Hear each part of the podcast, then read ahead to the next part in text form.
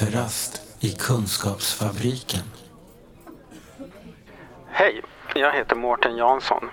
Några av våra tidigare avsnitt har handlat om rättspsykiatri.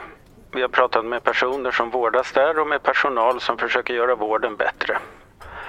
Nu under våren 2020 startar vi på NSPH ett projekt som syftar till att skapa mer delaktighet och inflytande för de som vårdas i rättspsykiatrin. Och under det kommande året ska vi göra fler avsnitt som både ska handla om hur rättspsykiatrin fungerar i samhället och om hur vården fungerar för patienterna. Rättspsykiatri väcker många känslor och många har starka åsikter om den. Vi vill bidra till ett mer nyanserat samtal. Vårt nya projekt blir också en kunskapsresa för oss själva. Vi som jobbar i patient-, brukar och anhörigorganisationerna vet överlag för lite om hur rättspsykiatrin faktiskt fungerar. Och inte ens i våra egna föreningar är det helt självklart att man vågar berätta att man själv eller någon närstående har varit dömd till vård. I vårt arbete med rättspsykiatrin är det i alla fall en sak jag lyckats förstå och det är att det är väldigt svårt att bli klok på den. Så fort jag tycker mig förstått något om varför lagtexterna ser ut som de gör så är det istället något annat i hur man lägger upp själva vården som blir konstigt. Och tvärtom.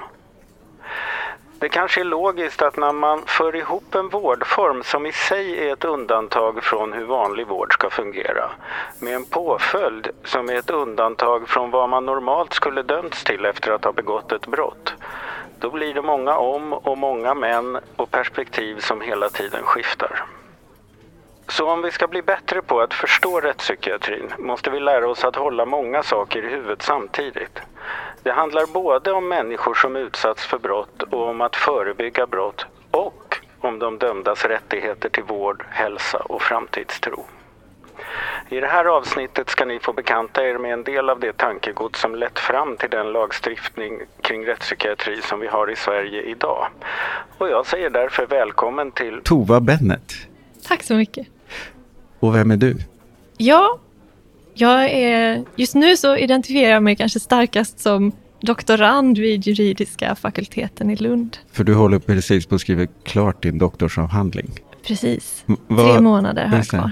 Vi kom fram till att det kan vara svårt att säga vad den handlar om, men vad heter den? Ja, antagligen så heter den straffansvar vid atypiska sinnestillstånd. Okej. Och då, eh, atypiska sinnestillstånd. Jag känner ju till begreppet allvarlig psykisk störning. Jag gissar att det här är lite släkt med det. Absolut, det har jag hittat på det här begreppet själv Ja, ja. för att Mm. försöka ringa in lite olika typer av sinnestillstånd som kan ha betydelse när man ska avgöra om någon kan hållas straffrättsligt ansvarig för en gärning. Och vad är straffrätt? Straffrätten är det område av juridik som behandlar brott och Mm. påföljder kan man säga. Ja, just det. Det som någon har gjort mot någon annan eller samhället och kan, ska hållas ansvarig för då på något sätt. Man kan väl säga först att den moderna straffrätten, som Mm. man kan kalla det, eh, uppstår någonstans i slutet av 1700-talet, början på 1800-talet, när man börjar formulera strafflagstiftningar i olika länder Mm. i, över hela världen. Och i Sverige så hade vi från mitten av 1800-talet strafflagen, som byggde på det man kan kalla för klassiska straffrättsliga tankegångar. Den som, ska, den som hålls ansvarig för brott är någon som har skuld Mm. i förhållande till gärningen. Och personen ska då också straffas i proportionalitet mot brottets allvar och graden av skuld. Så man tänker sig att straffsystemet ska ge uttryck för samhällets ogillande. Ja, just det. Och det ska ha förhoppningsvis någon typ av allmän preventiv effekt. Mm. Att genom att markera mot en person som begår en viss handling så kan man signalera att det här är inte ett acceptabelt eller önskat beteende Det är inte okej samhället. som vi säger numera. Det är inte okej, precis. Just det. Ehm, är det där då, i den kontexten, ett antal hundra år tillbaka, som man börjar fundera på, kan alla hållas ansvariga i jämt i alla situationer för det de ställer till med eller så? Ja, en grundläggande tanke för den här moderna klassiska straffrätten är ju att människor faktiskt har en möjlighet att påverka sitt eget beteende. Mm. Om man tänker sig att man ska kunna signalera någonting med straffrätten som människor sen ska ta hänsyn till Ja, och som ska det. påverka deras agerande så måste de ju faktiskt ha en möjlighet att välja sitt handlande i någon mening i alla Mm. fall. Just det. Och eh, till grund för det här sättet att tänka kring straff och skuld och ansvar så finns det också väldigt gamla antika idéer som man kan härleda till till exempel Aristoteles om att det är bara den som kan förstå gärningens innebörd och som kan just kontrollera eller anpassa sitt handlande som förtjänar klander eller beröm om man gör något bra. Men Ja, straffrätten ägnar sig inte så mycket åt beröm. Det är mer klander. Mer klander där ja. Mm. Just det. Olika typer av undantagsregler verkar man kunna hitta ganska långt tillbaka Mm. i historien och även tillbaka till Aristoteles då, Mm. eh, flera tusen år tillbaka.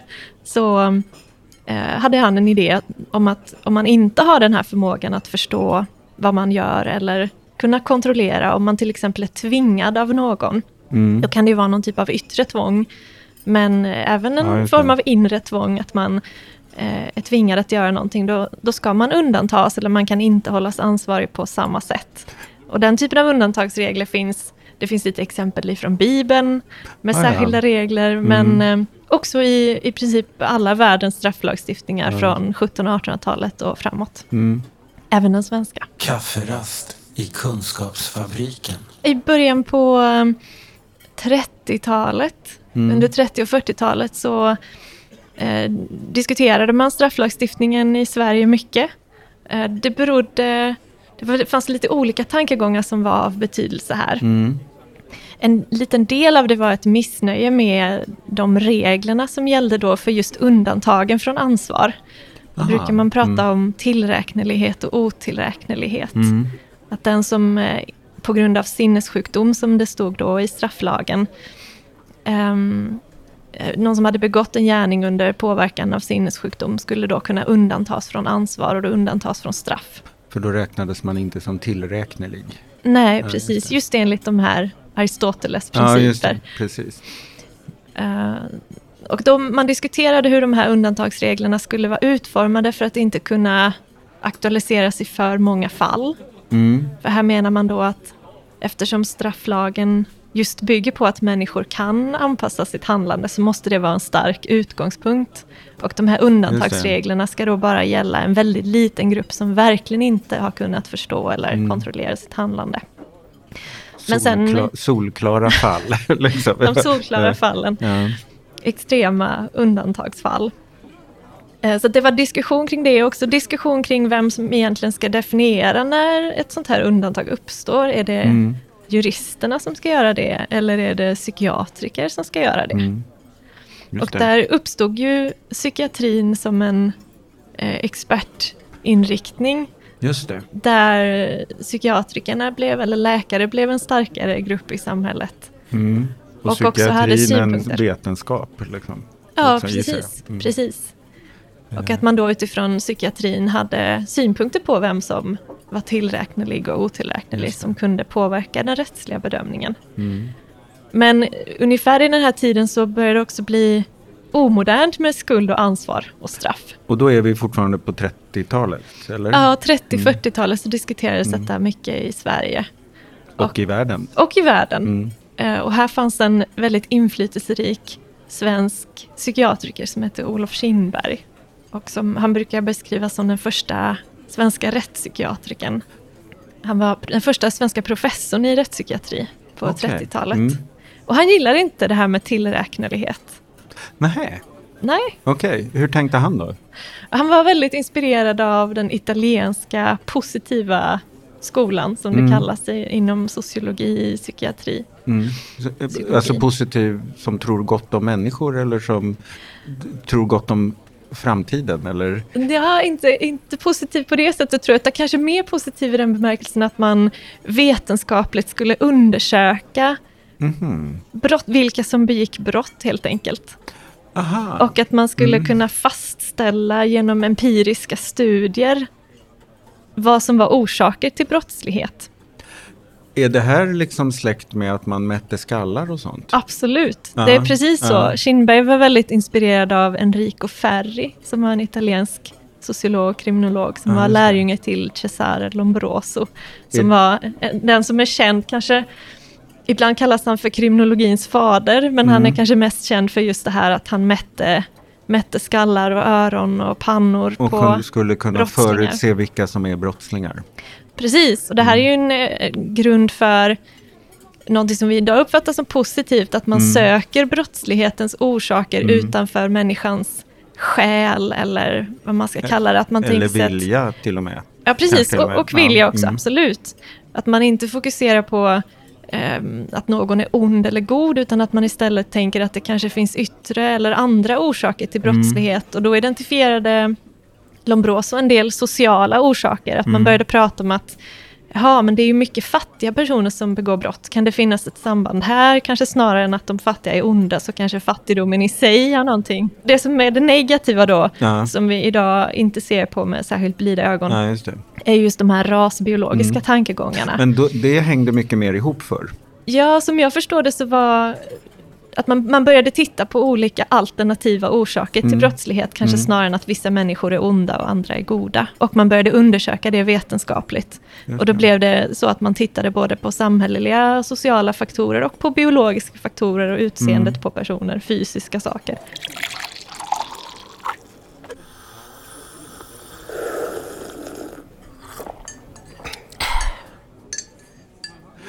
Så då är det positiva mer att liksom det du hittills beskriver i alla fall handlar mer positivt i bemärkelsen att vi kan ta reda på saker.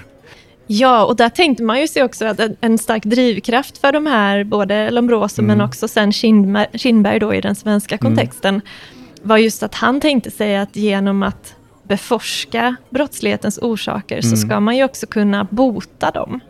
Just det. Så att eh, Kindberg trodde starkt på rättspsykiatrins möjligheter att bota samhället från brottslighet.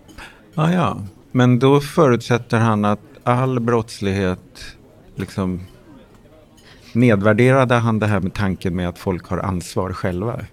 Det gjorde han absolut. Mm. Eh, han var inte så intresserad av ansvar i den individuella meningen, utan han var istället inspirerad av eh, ett gäng med Uppsala-filosofer Mm. som började ifrågasätta olika värdens betydelser i juridiken. Mhm. Så att det här, här fanns ju en allmän trend mot vetenskaplighet i den meningen att man empiriskt ska kunna undersöka frågor och ta reda på svar. Mm. Och då tänkte man sig att även juridiken ska vara empirisk på det här sättet, att man ska kunna få bestämda svar på frågor och man ska inte hålla på att ägna sig åt olika värderingar enligt abstrakta värden. Och för Kindberg så var ju då tillräkneligheten ett sånt här metafysiskt luddigt vagt begrepp som egentligen inte platsade i hans empiriska straffsystem. Så då var det enklare att ta bort det. Han tyckte helt enkelt att vad är det för på att vissa Mm. människor är ansvariga och andra inte. Vi har väl Mm. alla en lika ofri vilja i någon mening. Ja. Så att en, en grund för den här vetenskapliga strömningen var ju också determinismen. Och, vad, hur förklarar man den eh, eh, kort? Ja, hur förklarar man determinism kort? Ja, nej men determin- determinism kan väl kortfattat beskrivas som tanken att allting har en orsak. ja, just det. Så att, att vi sitter här nu, det beror på att vi stämde möte, vilket Mm. berodde på, och så går man tillbaka i tiden. Allt är för, men att allt är förutbestämt. Ja, det blir Alltså ju att även det som kommer hända imorgon, eh, det, det kommer att hända eftersom det som hände idag hände. Eller? Ja, och är man en hårdnackad determinist så tänker man sig att, att det här med att man skulle ha en fri vilja och en Mm. möjlighet att kunna välja och påverka världen är egentligen en chimär eller För en att egentligen illusion. så bara åker vi runt i, i världens urverk Ja, på precis. något sätt. Ja, just det. Mm. Och det här Mm. trodde Kindberg starkt på. Mm. Eh, Samtidigt så måste det ju ha funnits någon typ av utrymme för förbättring eftersom han ju också trodde på tanken att man ska Man kunna vårda, ja. vårda ja, och det. bota. Mm. Men det När här med levde ansvar. Kindberg? Ja, han var professor i alla fall på 30-talet. Just det, så då är det lite före och det- efter det. ja, precis. Han 20, pikade 30, då 40. någonstans på Han 30-talet. pikade på 30-talet Ja, kan man det. väl säga. Och gav eko långt framåt, då gissar jag. Absolut, Eh, han mm. var inflytelserik av lite olika anledningar. Han Mm. hade en forskningsverksamhet där han bedrev forskning på fångar som satt inne på fängelser. Mhm. Lite på ett liknande sätt som Lombroso. Mm. Eh, Men han kartlade deras psyke och, och det här är också, om man läser de här texterna idag så framstår de ju som otroligt stötande. Man anar slutsatser, liksom inte bara mellan raderna kanske. Utan, Nej, precis. eh, Det är mm, väldigt explicit och Mm. uttryckt om människors eh, etnicitet och, Mm. eh, och också på ett sätt som idag framstår som väldigt stötande. Personlighetsdrag. Ja, det. På ett sätt som också såklart psykiatrin idag skulle ta väldigt starkt avstånd från. Just det.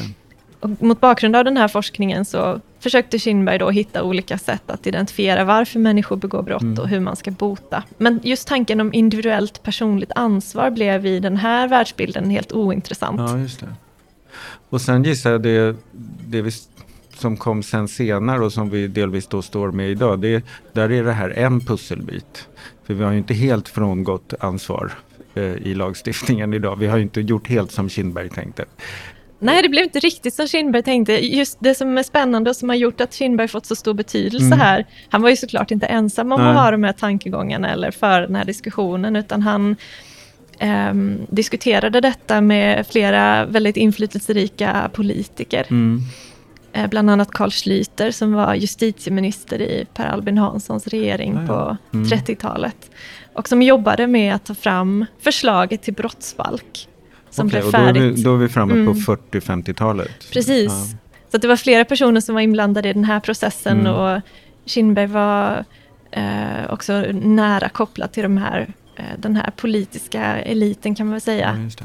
Och på den här tiden så var straffrätten inte alls som idag faktiskt en Ja. fråga för allmän debatt och diskussion. Det var framför allt eh, akademiker som Mm. ägnade sig åt att utforma straffrättsliga förslag. Så det var straffrättsprofessorer här och en del politiker Mm. och Kinberg som var inblandade Ja, i diskussionen. Men då jobbade man med att utarbeta en ersättare till strafflagen som var i princip 100 år gammal då i Mm. mitten på 1900-talet. Okej, ja just det. Och det är detta som sen det blev, blev- brottsbalken. Som vi till stora delar eh, använder idag fortfarande. Och då, Mm. den kom 1900, 1965 så trädde brottsbalken Okej. i kraft. men det betyder att hela arbetet med den skedde ju då i princip under 50-talet då gissar jag. Ja, redan från 30-talet. Okej. början på- så- och Mm, man började mm. redan diskutera en strafflagsreform i början på 1900-talet, ännu tidigare. Ja, ja, Så att Okej. eh, det finns från Mm. i början innan 20-talet till och med förslag på reformer som man började genomföra successivt och sen kom det här stora förslaget till det som sen blev brottsbalken kom 1956. Just Och det kan ju vara som ett exempel på hur de här Ja. tankegångarna kom till uttryck så kallade man det här förslaget förslag till skyddslag. Jaha, och skydd av vem då? Ja, det som skulle skyddas var, framförallt skulle samhället skyddas mot brottslighet. Mm. Och man hade också en tanke om att personer som begår brott ska skyddas från sig själva, Ja, i den med att de ska skyddas från att skada andra och Ja. fortsätta att begå brott. Det finns ju något i det här som är intressant för att eh, det här är ju den stora folkhemsbyggarperioden från 30-talet och framåt.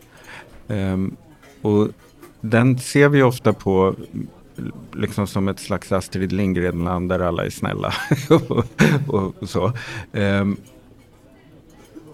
men det finns ju något otroligt elitistiskt i det här.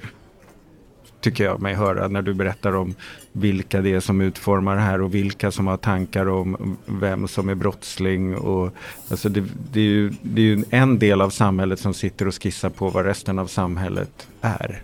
Mm. På något sätt. Det är ju inte så mycket medborgardialog eller brukarinflytande eller liksom så. Nej, nej, det kan man nog säga att det Ja. inte var. Och Carl Schlüter där som jag nämnde tidigare som var justitieminister på 30-talet och som deltog i det här arbetet just när det gäller de straffrättsliga delarna. Mm.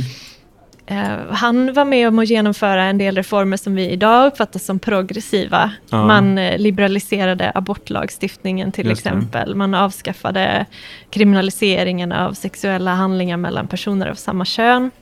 Men det här var också en tid när man tvångssteriliserade personer som man inte tyckte passade in i det här Just det. folkhemmet.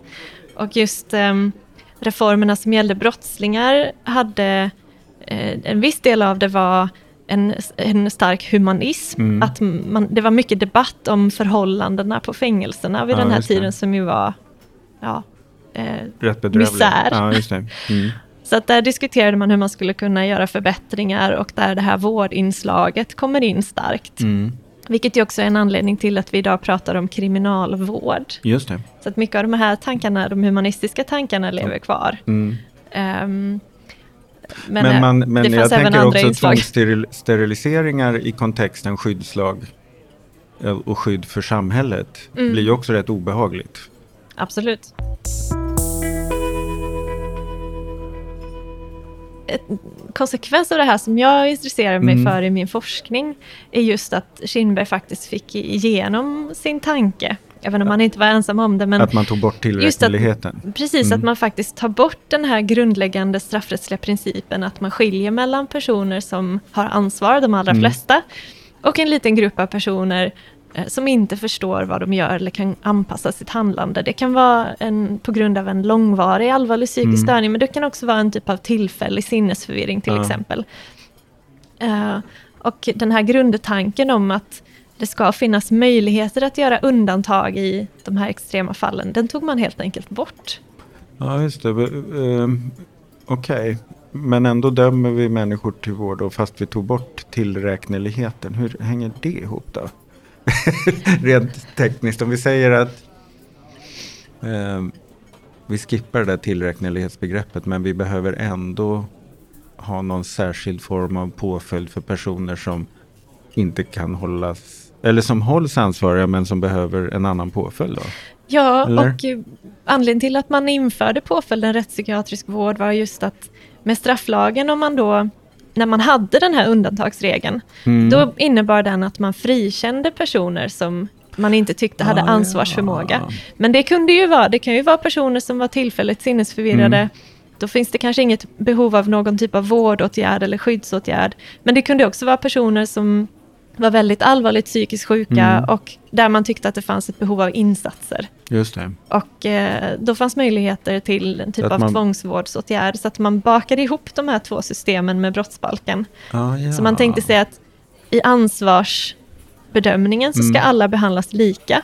Ja. Men i påföljdsbedömningen, där ska man ta hänsyn till vad varje individ behöver för någonting. Okej. Mm. Och det här tankesättet strider ju lite mot den klassiska synen Mm. på straffrätt, att man ska ha ett straff som är proportionerligt mot brottet. Här Aha. skulle man istället ha en påföljd som är individualpreventiv, alltså som gör att man inte begår brott i framtiden. Sen så är inte den här individualpreventiva tanken är inte helt dominerande Nej. i brottsbalken. Och som vi hör nu när vi pratar så, Mm. så fick den ju inte heller heta skyddslag. Nej, just det. Det är sant. Utan den fick ju heta brottsbalk. Och vi Ja. pratar fortfarande om fängelse som ett straff. Vi gör det. Även Okej. om ett Mm. samlingsbegreppet är påföljder och rättspsykiatrisk vård är en påföljd, så ändå böter och fängelse benämns som, Som straff. straff. Och, Mm. Men när man sitter i fängelse så är det kriminalvården som har hand om en. Ja, precis. Det, så vi- att man kan ju höra här. Lite, det ekar åt lite alla olika håll i det här på något sätt. Ja, straffrätten kämpar ju hela tiden Mm. med att balansera olika intressen mot varandra. Mm. Och här finns ju starka framåtblickande intressen att man tänker hur ska man med hjälp av straffsystemet kunna påverka samhället till det bättre? Att Mm. syftet med att kriminalisera en handling är att man hoppas att det ska leda till att det här beteendet försvinner. Det. det. Mm. finns ju inga brott av naturen egentligen utan Nej. straffrätten är ett verktyg man kan försöka använda för att minska vissa beteenden som Just vi det. alla är gemensamt överens om är skadliga för Ja. samhället.